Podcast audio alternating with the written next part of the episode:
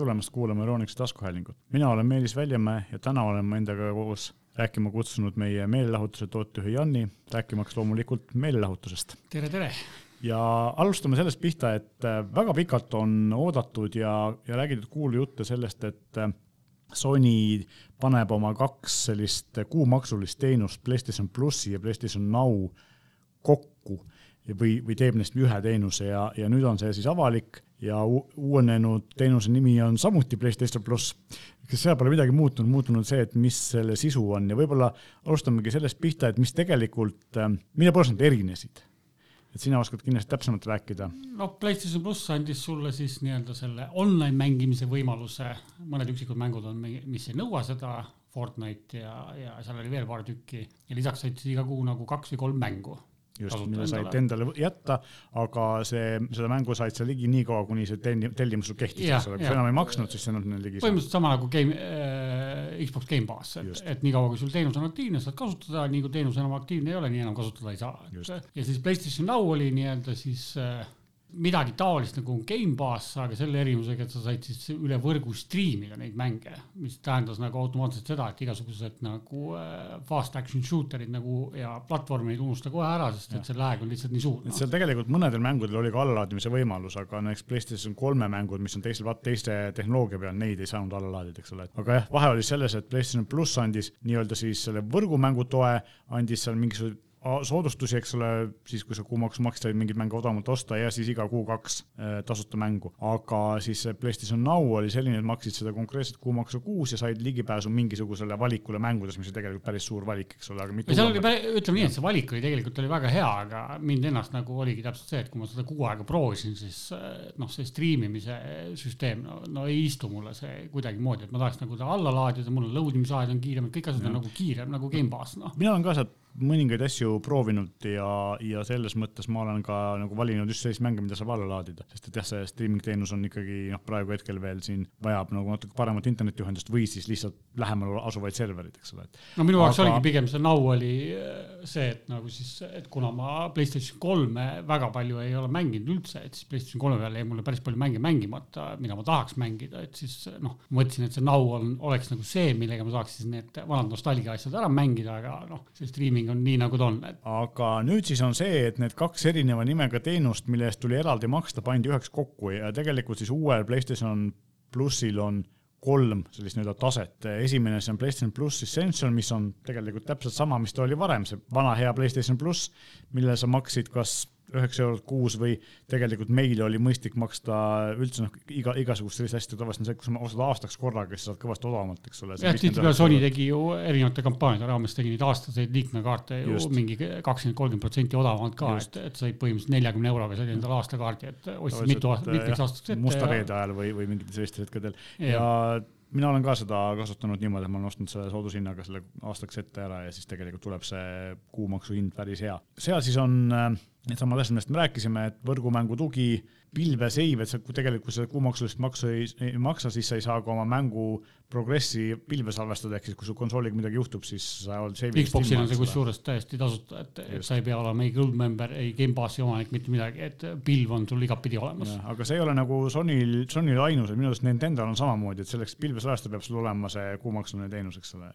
ma nii täpselt ausalt öeldes ei tea, ma ei. ma olen päris kindel, et see nii on ma maksan nagu seda Nintendo aastamaksu, sest see on mingi kakskümmend viis eurot aastas, et see ei, on täpselt see, et vaatad, ahah, läks maha, no jah. Nintendo okay. on ka tegelikult see, et neil on sarnaselt seal PlayStation plussil on kaks, kaks erinevat astet, üks on siis seesama, kus sul on need soodustused plussis, plussis äh, võrgusalvestus ja teine on siis see, kus sul on äh, vanemate konsoolid, ehk siis jah. ei, selle tavalise versiooniga tuleb sulle nii-öelda siis Nintendo Entertainment System kui ka Super Entertainment System ehk siis NES ja SNES mängud tulevad niikuinii sulle kohe kaasa okay. sellega, aga selle kallima versiooniga saad siis juurde Nintendo kuuekümne nelja emulaatori ah, süsteemi okay.. vaata, siin on ka see, et eks Nintendo, Nintendo kuuskümmend neli oli uuem konsool, eks ole, selle, selle emuleerimine vajab rohkem äh, veel rauatuge või siis kasvõi serverites, eks paremat tuge, et eks nad näevad sellega kõvasti vaeva. no Nintendo võrguasjanduse on ikkagi eelmisest sajandist ikka siiamaani millegipärast. no nad on klassikaline Jaapani firma, et või selles mõttes, noh, Sony on ka klassikaline Jaapani firma, aga, aga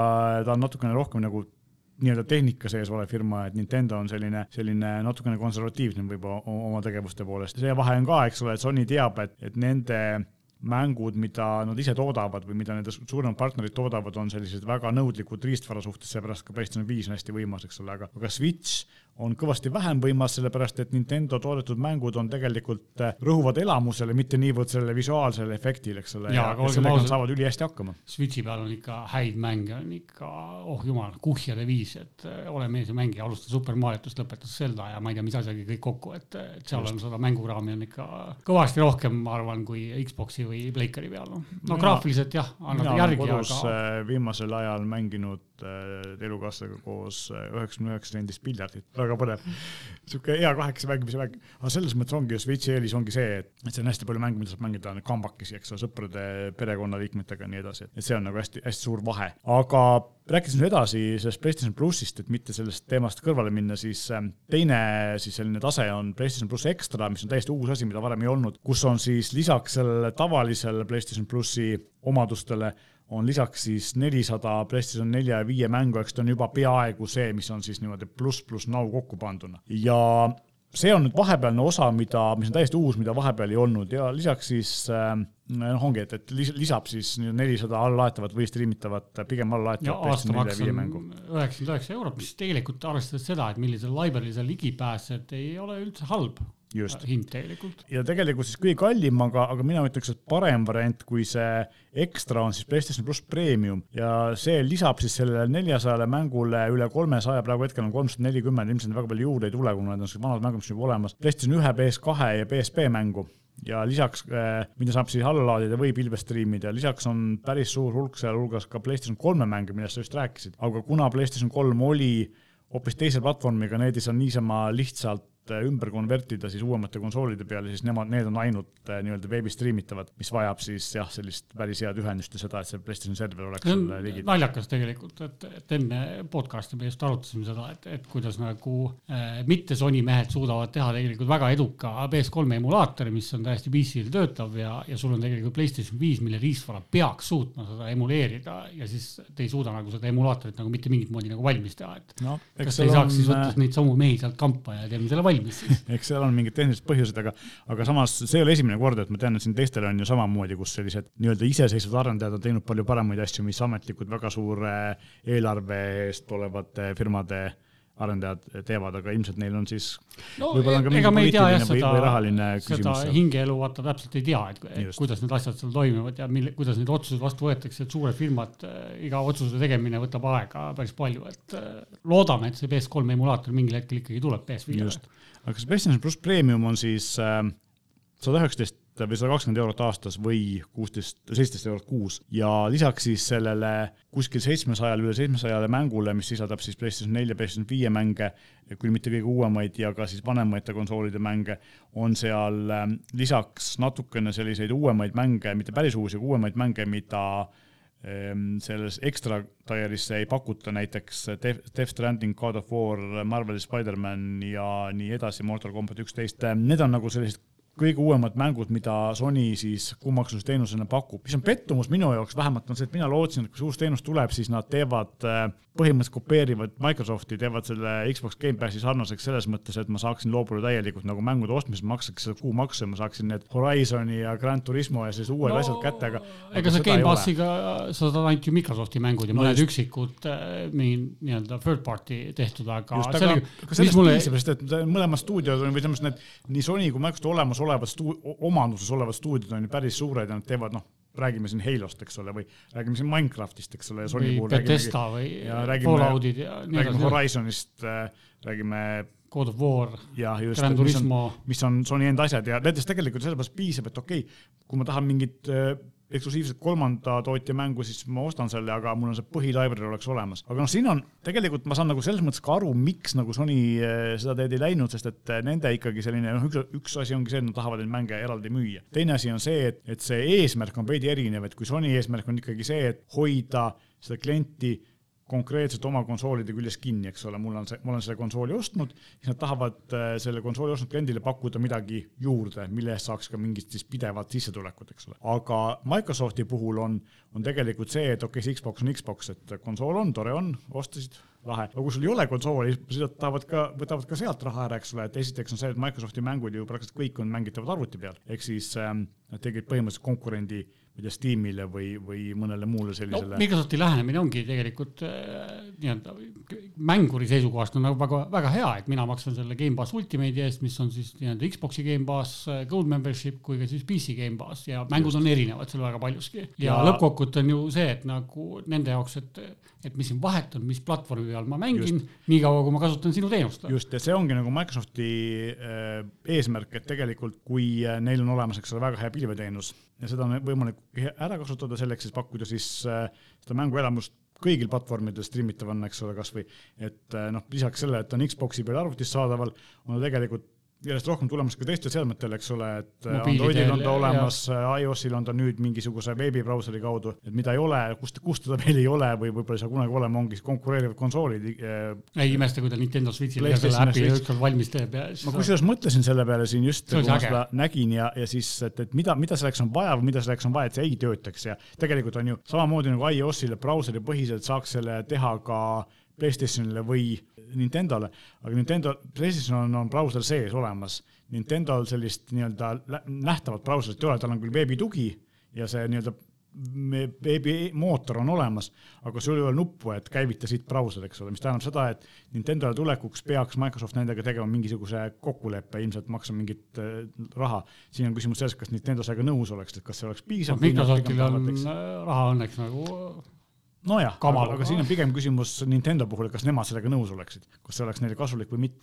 ma puhul... arvan, et see oleks, Nintendo'l oleks see päris kasulik, et kui sul on ikkagi tegelikult see, et sul on on the go äh, nii-öelda switch, tehke veel mingi uus versioon, millel on mingi 4G või 5G tugi ka olemas siis ja Gamepass äh, nii-öelda see streaming teenus, siis on vot see, mul on nagu Xbox'i mängud äh, Switchi mängud, kõik on nagu handheld'is kogu aeg kaasas. see oleks nagu ideaalne lahendus, eks ole. see oleks nagu aga... täiesti kuldne lahendus ju. just, aga PlayStationi peal on veidi keerulisem, sest et noh, PlayStationi peal olemas ka brauser ja tegelikult seal mõnes mõttes ei peakski Microsoft Sony käest luba küsima, vaid lihtsalt teeb äh, mingi shortcut'i lingi, eks ole, et mine sinna ja mängi. aga kuidas Sony selle vastu saaks, on see, et, et äh, mida on vaja selleks mängimiseks, on sellist tehnoloogiat nagu WebRTC, mille üle, mille, mille abil siis esiteks edastatakse videot, teistpidi võetakse tagasi, puldid tulevad käsklused. ja nüüd isegi kui, kui Microsoft esitaks WebRTC-le sisse, tegelikult vist on juba olemas arvutite jaoks äh, PlayStationi puldi toe, siis äh, Sony saaks selle WebRTC oma brauseri lihtsalt välja kookidest tegelikult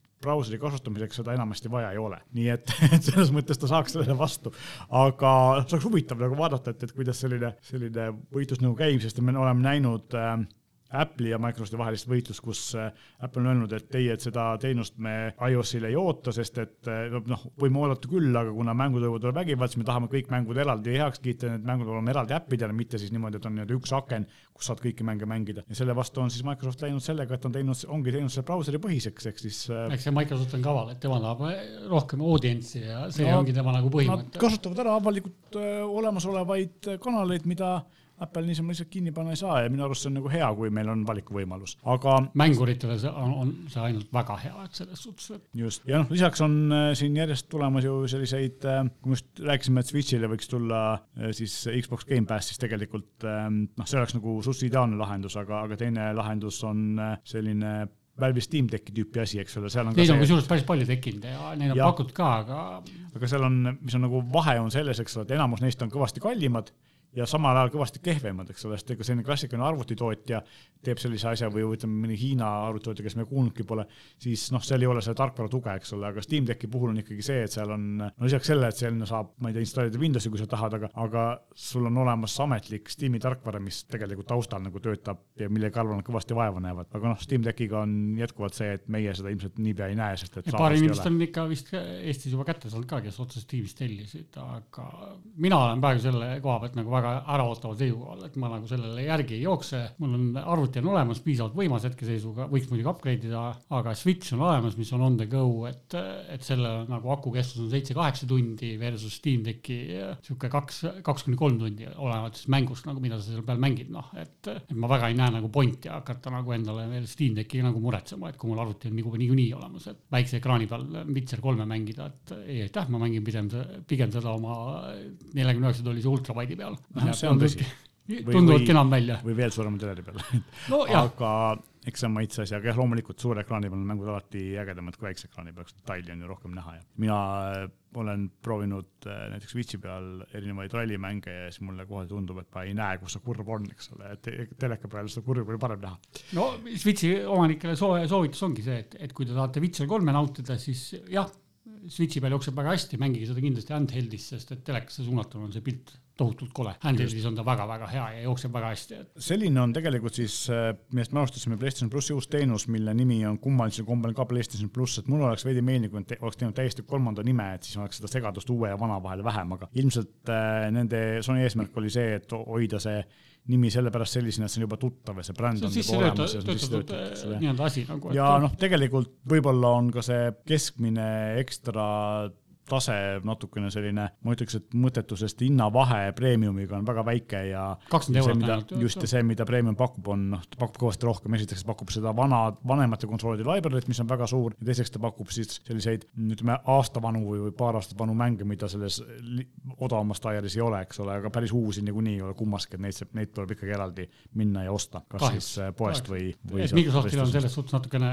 paremini läbi. no ongi, nagu me rääkisime, et nende eesmärgid on, on natuke erinevad. tegelikult tegelikult ongi, et need uued mängud, mis seal äh, PlayStationi peale on, et noh, just me mainisime, eks ole, kaks kõige kõvemat asja, mis sel, sel aastal on, on siis äh, või mis just on välja tulnud, ongi Horizon, eks ole, uus. Horizon Forbidden West. Forbidden West, just. veebruaris ja Gran Turismo seitse, mis on nüüd. jah, neljandal märtsil ilmus. mille millega trammi siin veel vist peaks nägema meie. ma loodan, et tramm vist sõidab veel jah. jah, aga, aga igal juhul. tänaval saab sõita vist. et kes, kes nägi Tallinnas äh, Grand Turismo või Horizon logoga trammi, see teab. kaua see Porsche seal Ülemiste keskuses väljas on? ma ei oskagi öelda ausalt öeldes, aga, aga ilmselt veel, veel mõne aja. ehk siis äh, Ülemiste keskuses võib näha ka meie GTA seitsme logodega Porsche. üldiselt on siis tegelikult niimoodi, et, äh, et lisaks neile mängudele on ju tulemas või tulnud veel igasuguseid mänge, et äkki sa valgustad meid neist ka? noh, Forbidden West tuli muidugi natukene halval ajal, sest et nädal aega peale seda tuli kohe Elden Ring, mis on põhimõtteliselt selle Forbidden Westi nagu äh, tahaplaanile lükanud päris kõvasti. mulle sellest natuke, sest et nii palju, kui ma vaatan nagu erinevaid mängusaite, siis seal ainult Elden Ringist räägitaksegi, et mida see endast kujutab, et minust on täiesti mööda läinud, ilmselt on tegemist mingi strateegiamänguga, need ei ole minu jaoks tugevad, ei ole.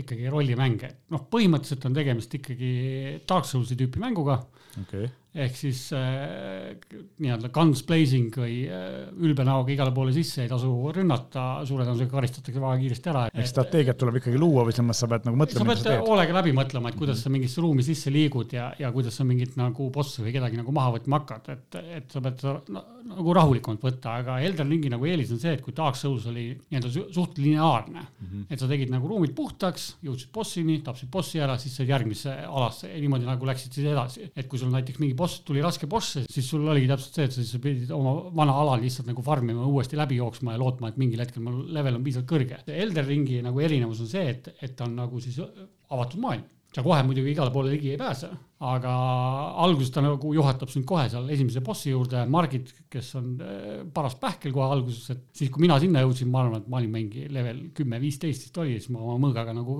enam-vähem nagu kriimustasin teda ainult. ja siis äh, nagu tekib algul niisugune nagu, kuidas ma ütlen, et öeldakse küll, et ta on nagu äh, kasutajasõbralikum ja natuke lihtsam, aga mul oli alguses täpselt see, et okei okay,, mul on nüüd suur kaart ees, aga mida ma nüüd teen siin. ja siis hakkad vaikselt nagu avastama, seal on mingid koopad, väiksed minibossid, saad oma parema relvastuse, tõstad levelit ja lõpuks nii-öelda jõuad ka nii-öelda bossid maha lüüa aga.... et ta nagu hästi suur maailm on mis on seal just sellist erilist, mis äh,, miks sellest nii palju räägitakse, et ma pole jupp aega näinud üheski rollimängust sellistest nii palju oleks räägitud, et ma isegi pole näinud üheski nagu tuntumast mängust nii palju räägitavat, see on kuidagi nagu üllatavalt aktiivselt igal pool äh, juttu no Dark Souls on igatpidi on, ta on hästi palju kõneainet saanud, et, et tänu sellele, et ta on nagu nimetatakse raskeks, mina ei ütleks, et ta raske on, ta on pigem on see, et, et inimesed valivad nagu vale strateegia seal, et muidugi mingid professionaalid mängivad, vaat see no hit run'e ja mida kõike veel, aga, aga Elden Ring ongi võib-olla see, teeb ta nagu eriliseks, et see kõik see avatud maailm, et sul on nagu suht lahti, et sa ei pea minema lineaarselt, et bossist bossini kogu aeg,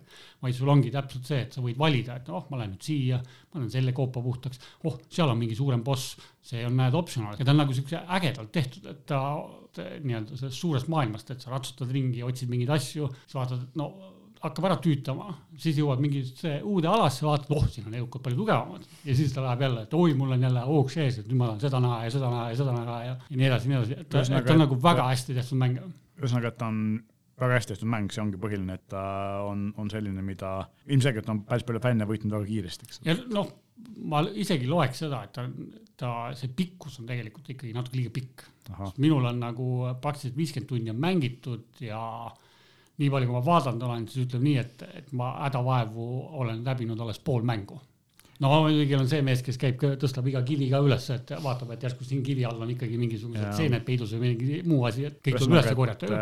väga palju aega peab olema selleks, et seda läbi mängida. no keskeltläbi kuskil ütleme sihuke kaheksakümmend kuni sada tundi, oleneb, oleneb palju sa siis avastad seda maailma, et. ehk siis äh, võib öelda jätkub aastateks. nojah, et ma ei, väga ei tahaks nagu ühtegi teist mängu, et mul on siin nagu list, mis ma nagu märtsis olen endale nagu äh, nii-öelda soetanud, on päris pikk et mul on esiteks Forbidden West on täiesti mängimata no,. ma spetsiaalselt ei hakanud seda mängima, kuna Elden Ring tuleb peale, et siis ma tahtsin Elden Ringi mängida. siis ma tahan äh, kolmandal märtsil pluss selline mäng nagu Babylon's Fall, mis on platinum mäng, mis näeb nagu äge välja, mida ma tahaks kindlasti proovida. Grand Turismo seitse muidugi siis äh, Nintendo Switch'ile tuli Triangle Strategy, mis on siis, äh, kuidas ma siis ütlen, Final Fantasy Tacticsi nagu uh, uus versioon või kuidas me nimetame seda, et Final Fantasy Tacticsist on väga palju räägitud, et see on kunagi PSP-le ilmunud ja, ja minu meelest oli vist oli DS-ile ka, et, et see oli nagu väga hea mäng, et mul on see täiesti mängimata, ma pole isegi tööle seda pannud siis äh, Stranger of Paradise, Final Fantasy Origin, mis on, peaks olema siis eellugu nii-öelda Final Fantasy seitsmele ja veel ja veel ja veel ja veel, et, et siin on nagu see list on juba täpselt selline, et vaatad, et nojah, et mul Elden Ring on pooleli, et ma parem ei hakka siit ühtegi midagi okay rohkem juurde võtma hetkeseisuga. Õnneks on aprill on nagu natukene lahjem ja maist ma ei räägi üldse, et mais pole praktiliselt midagi eriti. okei okay., kas järgmised asjad tulevad siis sügised, stuudiod on ka teinud umbes niimoodi, et suvel, kus inimesed rohkem õues on, siis on vähem mänge tulemas ja sügisel jälle uue hooga või? Eks nad vist niimoodi planeerivad jah, et suvi on nagu niisugune mängumaailmas on nagu rohkem nagu hapukurgi hooaeg, et eh, mõned üksikud asjad tulevad siin, et eh, nii-öelda Switch'ile Monster Hunter Rise'i uus lisapakett Sunbreak, aprillis tuleb ju äh, Nintendo Switch'ile see Switch Sports seda mis... ootan tegelikult mina ka väga nagu. et see on ju vana hea klassika, Wii Sports ja Just. Wii Sports Resort nagu kokku klopsitud ja see võib Switchi peal väga äge olla, eriti lastele. Ja... mulle Wii Sports väga meeldis ja noh, tegelikult see oli vist Wii'ga kaasas, kui ma ei eksi, eks ole. see oli Wii, Wii Sports oli kohe alguses kaasas, et pärast seda, hiljem tuli see Sports see, Resort ka. see oli see, et inimesed mängisid ka seda ühte mängu, mis kaasas oli ja rohkem midagi ei osta.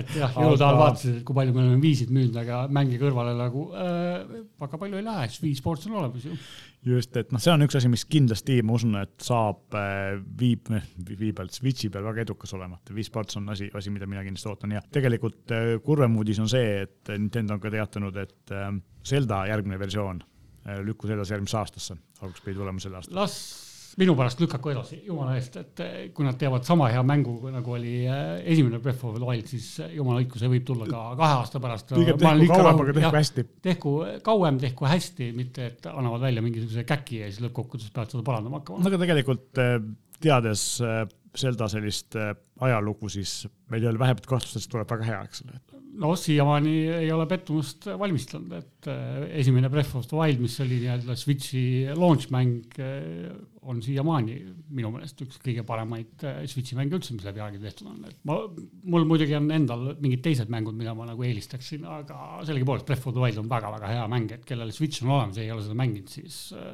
minge soetage endale, see on, see on seda raha kõike väärt. jah, see on igal juhul tõsi, et Zelda ja noh, üldse sellised Nintendo ikkagi enda mängud Switchi peal on need, milleks Switch loodud on ja mis, mis seal väga head on. ma ei ole siiamaani aru saanud, kuidas Nintendo oma mänge teeb, et, et, et kuidagi nagu kuulutatakse välja uus Super Mario, siis kõik mõtlevad, no mis seal saab nagu uut ja ägedat olla ja siis tuleb Super Mario välja ja siis kõik ütlevad, näed, Nintendo on nagu platvormimängud uuesti avastanud ja teinud need, need, need ägedad asjad ja siis kõik kiidavad taevani, siis mõtlen no., no ma ei tea järelikult on piisavalt anneteks need inimesed, kes Nintendos mängudega. ma tahaks olla see kärbes, vaata seina peal, kes nendel koosolekutel, kuidas seda kontseptsiooni ja seda kõike kokku pannakse, et mida me nagu tegema hakkame, et siis kuulata lihtsalt seda ja siis mõelda, et nojah, huvitav oleks näha lihtsalt, kuidas nad mõtlevad seda kõike välja. suurepärane, kas meil on veel mingid mängu-uudiseid või lähme muu meelelahutuse juurde edasi? no vast äh, võib ära mainida PlayStation pluss aprillimängud ja Games with Gold aprillimängud. mis need on? PlayStation plussil äh, on Hood, Outlaws and Legends, mis peaks olema siis mingi multiplayer mäng. alguses see treiler, mida ma kunagi vaatasin, siis kui ta välja kuulutati, siis nägi äge välja, aga praegu ma ei oska nagu väga täpselt öelda, et on ta midagi väärt või ei ole, et, et need inimesed, kes on seda mänginud, võiksid nagu öelda, et kas on hea mäng või ei ole. siis on äh, selline äge kaardimäng nagu Slay the Spire, mis on tõsiselt väga fantastiline mäng, et kellele meeldivad siuksed äh, kaardistrateegiamängud, et siis äh, soojalt soovitan seda kindlasti mängida, see on väga hea mäng. ja viimaseks on SpongeBob SquarePants Battle of Bikini Bottom. naljakas nimi naljakas nimi jaa, aga tegemist on kusjuures väga hea mänguga et äh, level ühest Andri mängis ka seda ja kiitis, et, et üllatavalt hästi on suudetud nagu SpongeBobi mänge teha niimoodi, et ta on väga kaasaarv ja väga hea mäng, et äh, soojalt soovitan vähemalt lastele siis alla tõmmata, kellel lapsed olemas on. Äh, ja Xboxile? Xbox One'ile on siis Another Sight. ma ei oska selle mängu kohta palju öelda, ma vaatasin treilerit ja treiler nägi päris äge välja, et on niisugune kuidas ma seda ütlen, sihuke cyberpunkilik äh, seiklusmäng, kus sa pead siis mingeid erinevaid puslesid, asju lahendama ja Victoria ajastu Londonis tegevus toimub, et see nägi päris äge välja, kus sa pead siis erinevate karakterite vahel valima, et üks on tüdruk ja teine on kass. aga ta nägi nagu huvitav välja, et seda võiks ise täitsa nagu proovida ja siis on äh, selline platvormikas, pusleplatvormikas nagu Hue, mis noh, treilerit vaadates nägi äge välja, aga vaevalt, et mul endal nagu selle jaoks nagu aega on, aga noh, tasuta antakse, siis jumala õigus, miks mitte. ja Xbox kolmesaja kuuekümne omadest on siis äh, Outpost Galoki, mis on siis äh,, kuidas ma ütlen, mingi kosmose taikuun või? kus sa siis pead mingit limonaadi, limonaadivabrikut nagu üleval hoidma. Et siis kõik tulnukad saaksid limonaadi osta sinu käest. Ja, ja teiseks mänguks, mis aprilli teises pooles on, on siis MX versus ATV Alive, et kellele meeldivad mootorratta kihutamised, see mäng on nagu teie jaoks suurepärane. räägime korraks korraks ka ühest ähm, suurematust mängust. nimelt äh, Grand Theft Auto viis on ju uues kuues tulnud uutele konsoolidele, eks, et äh, mis sellest kuulda on? ausalt öeldes, et alguses siis, kui see info nagu välja tuli, siis kõik rääkisid sellest, aga nüüd on nagu kuidagi vaikus, et ma ise ei ole suur Grand Theft Auto austaja üldse kohe, et, et nelja olen küll läbi mänginud, aga viite olen puutunud ainult paar korda, esimese missiooni no, ole teinud. mina ka mitte, aga samas äh, tegemist on ka meie numbrite järgi ühe kõige müüdud mänguga läbi aegade, eks ole, et aastakümneid, võiks öelda aastaid kindlasti igal pool tabelites figureerinud. no praegusel hetkel jah, et pärast seda, kui GTA viis nagu ilmus, siis sellest ajast saadik on ta nagu top kolmes kogu aeg olnud, iga kuu ükskõik. aastaid, aastaid hiljem, eks ole, nii et, et sellepärast ma üldse ei imesta, et nad tegid sellest just nagu nii-öelda uuendatud graafikaga versiooni ja ei ole teinud äh, number kuute veel siiamaani, ilmselt vaikselt kuskil mingi arendus käib, aga. Nad minu arust ju midagi juba mainisid kuskil, et, et kuute nagu tehakse, on arendus käimas, et. no vaata, eks neil on sama asi nagu äh, just, kui me siin rääkisime Zeldast, et, et samamoodi, et kuna see viis oli nii populaarne, seda niimoodi fänniti, siis seal oht no, läbi kukkuda, pettumust valmistada on väga suur, eks nad pigem tehku kauem ja hästi, kui, kui äh, kiirustades, sest et ikkagi seal on nagu nii-öelda suured saapad, mida täita. no samamoodi ju Red Dead Redemption kahte tehti ka ikkagi väga-väga pikalt. jah, jah, et selles suhtes, et äh, mulle Roks, nagu sellised nagu äh, nii-öelda mängutootjad meeldivad, kes ongi täpselt see, et, et mäng ilmub siis, kui ta valmis on, mitte Just. ei ole see, et ütleme kuupäeva ära ja siis hakkame seda nihutama ja nihutame veel ja siis nihutame veel ja siis lõppkokkuvõttes anname ikka mingisuguse käki nagu välja ja siis vabandame taevani, et ei ikka nagu näete. see on viimasel hästi levinud, et mänge lükatakse pigem pidevalt edasi, kuna mängud, eriti tippmängud lähevad hästi keeruliseks ja seal on ikkagi nende arendamine on palju keerulisem, kui ta kunagi oli, et. no väga rahanõudlik on ka ja noh, praegusel hetkel vaata on eriti raske oli ju kaks aastat tegelikult selle Covidi kriisis, et kõik peavad kodukontorites kuskil tööd tegema, et, et sul on väga raske nagu seda mängu arendada ka, et. et pigem lükake edasi aga tehke korralik mäng, sest et ega need mängud seal riiuli pealt pole otsa saanud, et häid mänge on tegelikult veel eelmisest aastast mängida, üle-eelmisest aastast mängida, et. tõsi, kui me siin lähme mängudest vaiksemalt eemale, siis äh, vahepeatusena ütleme seda, et kui me rääkisime siin mõni aeg tagasi mängude põhjal tehtud sarjadest ja spetsiifilisest Halost, siis me ei osanud öelda, kust kanalist Eestis Halot näeb, siis nüüd me saame öelda, et äh, Halo on olemas Go3-s. nii et on võimalik vaadata ja. sa oled vaadanud ise või? vaatasin esimest osa jah, ja Nii. kas sa oled vaadanud, ei ole vaadanud? ei ole ah.. ära spoilerda, aga räägi, et kuidas see tunne on, on ta hea, keskpärane? keskpärane, mina kui suur Halo fänn, eks Halo selle mütoloogia või universumi fänn, võib-olla mitte niivõrd mängude, aga üldse ulmefännina mulle, mulle Halo meeldib ja, ja selle koha peal ma pean ütlema, et ta on üsna hästi tehtud, loomulikult ta on selle story poolest veidi erinev, kui on mängud, aga see on ka mõnes mõttes loogiline, aga ta ei ole nüüd tohut-, noh, nii tohutult erinev, eks ole, ja, ja näitlejatööd on head. Eh, natukene on saanud kriitikat ja mina ütleks ka, et kohati mõned efektid on tehtud äh, ma ütleks odavalt või selles mõttes arvestades, kui suur eelarve sellel mäng, äh, filmi, sarjal on, siis, siis tegelikult efektid kohati võiksid olla parem, aga see on nagu niimoodi äh, seinast seina, mõni hetk on väga hea, mõni hetk on jälle kehvem, aga, aga noh, kui see film, kui see sari oleks välja tulnud mõni aasta tagasi, me võib-olla väga ei saakski viriseda, aga praegu hetkel, kus meil on olemas Marveli sarjad ja meil on olemas äh,. Witcher ja, ja nii edasi. ja noh, just ma tahtsin pigem öelda Disney, eks ole, Mandaloorian ja siis noh, nad on toonud selle tootmise kvaliteedi täiesti uuele tasemele, siis äh, natukene nagu peavad, peavad ka teised saama selle võrra rohkem kriitikat, aga, aga muidu mulle ta meeldis ja, ja story oli hea ja noh, Covenant tulnukad olid äh, täpselt sellised, nagu nad olid äh, mängudes, nii et selles mõttes hästi tehtud ja. aga kas ta on nagu story poolest, ta viskab sind kohe kuskil tundmatuskohas vette, ütleb, et näed, nüüd siin on see maailm ja, ja. ta viskab ise, äh, sinna kaks tuhat viissada viiskümmend kaks aastale, kus Covenanti sõda poolega käib ja siis Reach on veel varutamata ja algab sellega, et Äh, on mingisugune iseseisev äh, planeet, kus äh, kardetakse UNSC-d ja Spartaneid, ehk siis need on sellised nii-öelda võõrväed, eks ole, kelle, kelle rünnakuid kardetakse ja siis ühel hetkel tuleb välja, et, et veel hullemad on tulnukad, eks ole, ja siis loomulikult. ega ma mõtlen lihtsalt see, et, et kas ta nagu alguses nagu midagi sulle seletab ka, et sellest maailmast et.... ei seleta, ta viskab sind otse tegevuse keskele ja siis seletab selle käigus. aga kui ta selle käigus seletab, siis ta on isegi nagu hästi tehtud no,, Witcherit vaata mingi, ju ja... nagu kirutakse just selle sellepärast, et ta viskab nagu sinna maailmale sind sisse. mingil määral, mingil määral seletab, kuigi siin on jällegi see, et kindlasti tuleb kasuks, kui sa oled mänginud Halot, sa tead seda maailma, aga samas ta on vaadatav ka täiesti eraldiseisvana. Ehm, ma ütleks, et ta jääb äh, nagu sellise äh, mängu äh, story sarnasuse poolest mänguga, ma ei tea, kas sa oled kursis, aga Expanse'i ja Foundationi vahele okei okay,, Foundation ma vaadanud ei ole, Expanse'i ma olen vaadanud, Expanse oli väga hea. Expanse on eh, noh, loomulikult see on, see on see, et filmi ega sarja ei saa teha sada protsenti samamoodi nagu raamatuga, on just see, et sa pead nagu seda story't, eh, sa pead visuaalselt näitama, eks ole, sa ei saa teha täpselt sama asja. see on keerulisem muidugi. ja sellepärast on see, et Found- eh,, Expanse on tehtud praktiliselt üks-ühele raamatu põhjal nii noh, nii väikeste muudatustega kui, kui visuaalselt sarjas võimalik teha on, aga täpselt üks-ühele Foundation on tehtud täiesti teistsuguseks, seal ma olin veitsi pettunud, sellepärast et see on, erineb raamatust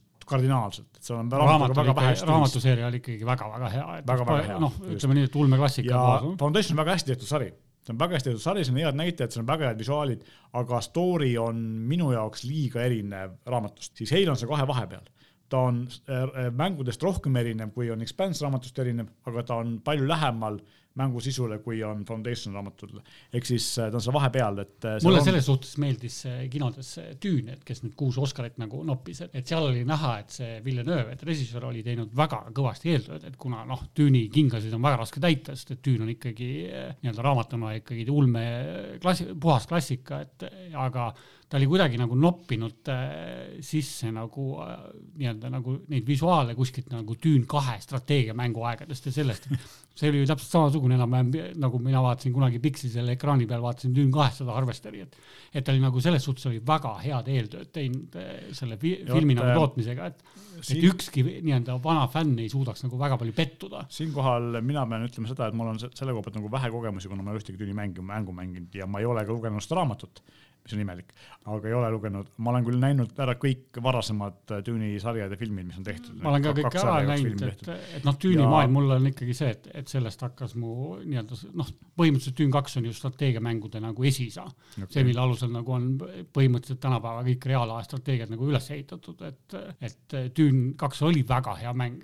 sel hetkel muidugi see, kui ma üheksakümnendatel seda mängisin, siis ta oli see vaatasin no,, et selge, selge on see, et hästi on ta tehtud, sest et ega muidu ta ei oleks sellist kogust Oscarit saanud ja sellist nii palju positiivset kriitikat, eks ole.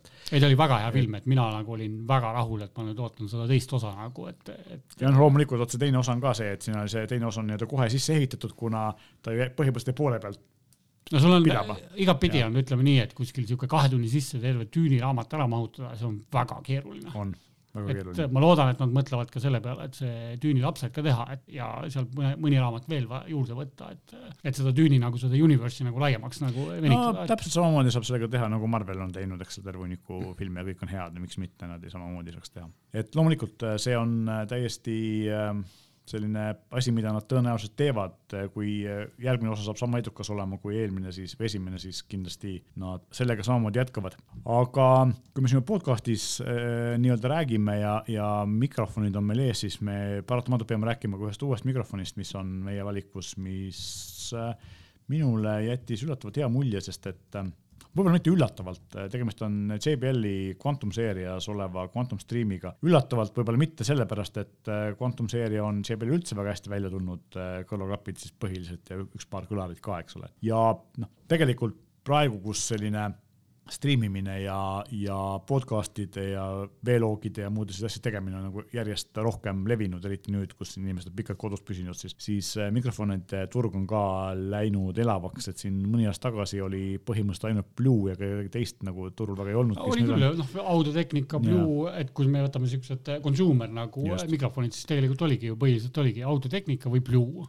ja sest praegu on, nagu on tekkinud väga suur kogus, kes on varem teinud ainult nii-öelda profiklassi mikrofone, siis nüüd on nad teinud üsna palju, noh, räägime just sellest lihtsamatest USB mikrofonidest, mida saab ühendada no, igasuguse arvutiga. Rode on olemas just. ja, ja noh, eks neid iga suur audiotootja on hakanud nagu. just ja, ja lisaks mitte audiotootjad ka, eks ole, ja noh, lisaks, eks ole, meie valikus siin äh, soodsamad sinna, ka sest Trustil on hästi palju mudeleid odavaid. Razer ja. ja no Razer jah, just noh, just, just sellised äh, ütleme nii, et ähm, klassikalised äh, headset'i ja klaviatuuri hiiretootjad on hakanud tegema mikrofoni, kogu see Laseri äh, mikrofon on muidugi väga hea, eks. aga JBL-i üks hea omadus on see, et ta on äh, soodne, ta on sada eurot ja, ja selles mõttes ta jääb sinna noh, Blue'st äh,, lihtsamast Blue'st veidi kallim, aga kallimast Blue'st veidi odavam ja Rode'i mikritest ka veidi odavam, aga mis on no, nagu. Rode, Rode ma ikkagi paigutaks sealt Blue'st natukene kõrgemale isegi. just, ma mõtlen nagu hinnaklassi mõttes, pidasin silmas jah, ja noh, Rode on äh, selles mõttes ikkagi aastakümneid tegutsenud profimikrofonid no,. selles suhtes, et Rode juures me peatume ka mõne minuti pärast, et räägime sellest striimist esmalt ära. just, aga striimiga on see, et, et mis on nagu huvitav, esimene asi on see, et mikrofoni peal üleval on suur mute nupp, võib-olla tundub veits kehv koht, aga samas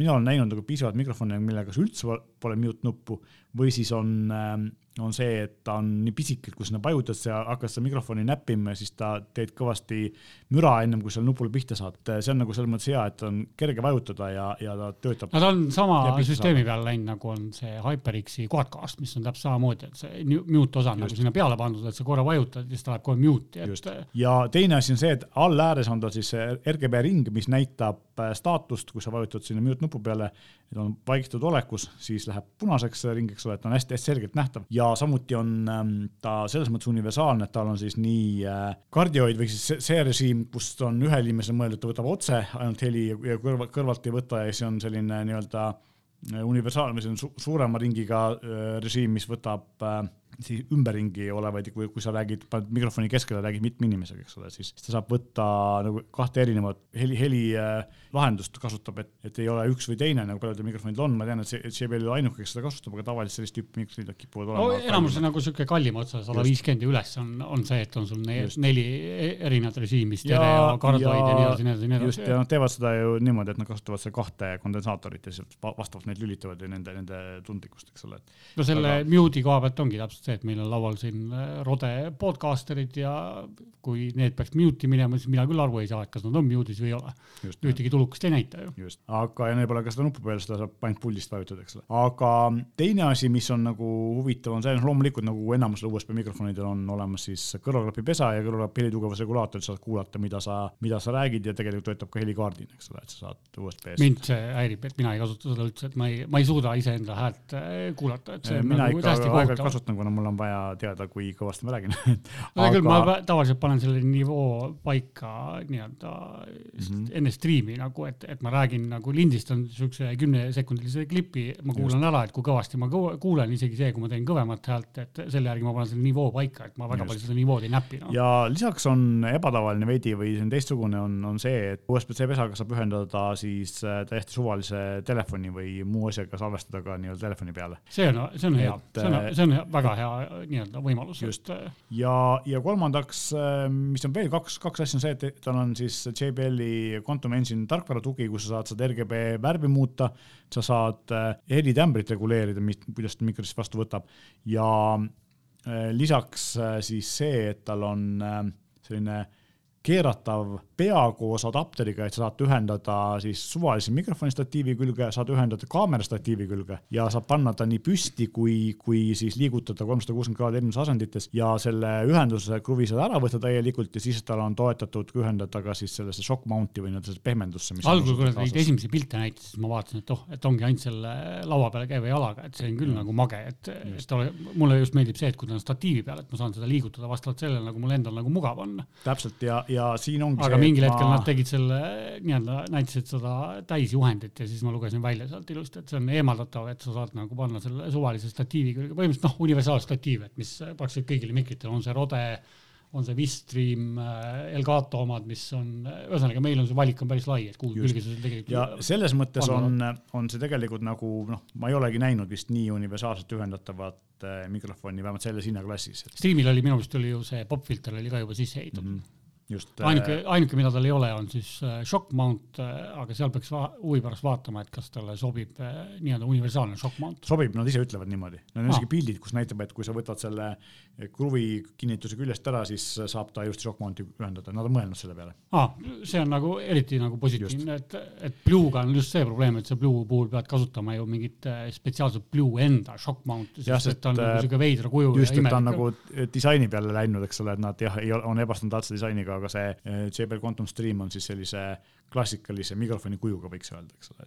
ja muidugi metallist tugev, vastupidav, et võib kotti visata. hind on tal väga mõistlik. no ma räägin saja euro eest või mis ta iganes on, eks ole. üheksakümmend üheksa, jah. üheksakümmend üheksa eurot, et selle, selle hinna eest on äh, üks parimaid mikrofone, mis turul on minu teada. enne me vaata lubasime, et me räägime Rodest ka, siis Rode on ka nagu huvitava asjaga hakkama saanud, et kõik teavad Rode mikrofone, muid audioseadmeid, et väga professionaalne tootja on, et nüüd on Rode sisenenud ka meil kõrvaklapimaailma et on välja andnud siis esimese kõrvaklapi, mis on siis suunatud äh, podcasteritele ja mänguritele. no loogiline, kui sa teed podcast'i süsteemi ja mikrofoni, siis äh, miks sa mitte ei paku ka kõrvaklappe, et saaks osta täiskomplekti. ma ei kujuta ette, kui vana Rode on? Ta on ikka väga vana firma ja see on Vähemalt. täiesti, minu teada täiesti esimene kord, kui Rode toodab äh, endale klapp. Nad ei ole tegelikult esimene, selles mõttes nad on äh, noh, selles mõttes nad on jah, nagu võib-olla veidi hiljaks jäänud sellele turule, aga tegelikult nad ei ole ainsad, kes on seda teed läinud. Äh, on veel üks suur ja väga kaua tegutsenud mikrofonitootja, kes alles hiljuti hakkas tegema kõrvaklappe, noh hiljuti on see, et mõnigi viis aastat tagasi võib-olla. tegemist on Shure'iga, Shure on ju teinud ka kõrvaklappe või mikrofone aastakümneid. no Shure mikrofonid on muidugi jah ja,, Rodest veel klass klass Just, ühe võrra veel ülesse poole. suur hakkas ka tegema ikkagi kõrvaklappe alles siin noh, mõned aastad tagasi, nii et ka nemad tegid ain, alguses ainult mikrofoni, nüüd on need, teevad ka kõrvaklappe, kusjuures väga häid kõrvaklappe, et ma usun, et äh, Rode mikrofonid või kõrvaklapid saavad olema samamoodi väga head, sest et ähm, nad teavad nagu seda ala väga hästi, võib-olla nad ei ole niivõrd sellised, ütleks siis need muusika kuulamise klapid, kuivõrd just see, et nad on äh, tehtud võimalikult naturaalsed, neutraalse Nad oligi äh, noh, nii palju, kui ma seda kirjeldust äh, lugesin, et, et nad ongi suunatud rohkem nagu just geimeritele ja podcasteritele, hinnaklass jääb sinna kuskil äh, saja seitsmekümne, saja kaheksakümne euro kanti, mis ei ole tegelikult klapi eest väga hull hind. et aga noh, ma tahaks nagu ise proovida seda, et enne ma ei julge nii-öelda öelda, et kas nüüd Rode suudab nagu mikritega sama kvaliteeti hoida, aga nagu heli koha pealt, et seda ma ei oska nagu öelda. no varsti me saame neid odeklappe ise proovida ja siis kommenteerida, aga üks firma tegi veel sel nädalal kõrvaklapid, paku välja, kes see võis olla sa, kui sa ei ole lugenud, siis sa ei oska seda kuidagi pakkuda. ei, ma ei ole lugenud tõesti. valgusta mind. Tyson oh jumal. Tyson, kes äh, teeb äh, tolmuimejaid ja ventilatsiooniseadmeid ja muid selliseid kodumasinaid. nüüd on oodata, et Tysoni tolmuimejatel tuleb kõrvaklapipesa ja siis ehitada kõrvaklapid et nad ei ole mitte ainult kõrvaklapid, esiteks nad müra summutavad kõrvaklapid, aga neil on ka ees selline Razeri maski meenutav äh, puhastusseade.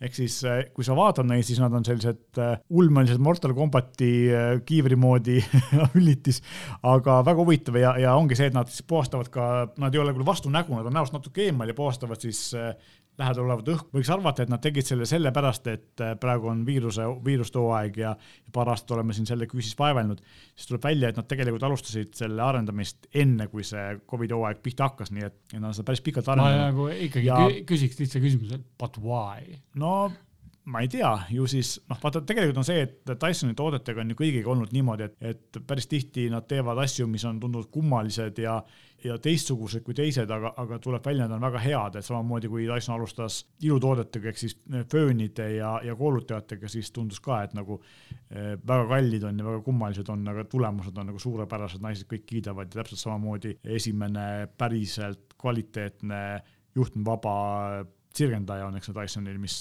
noh on, on väga suurepärane. et võib-olla on seal ka midagi, midagi, mida nemad teavad ja mida meie ei tea, just. et võib-olla seal on midagi sellist, minu esimene mulje, kui ma seda pilti nägin, ma tundsin, et see on nagu kõrvalapid, mis oleks ühendatud selle Eesti poiste tehtud õhu, õhufiltreerimissüsteemiga, Respiriga.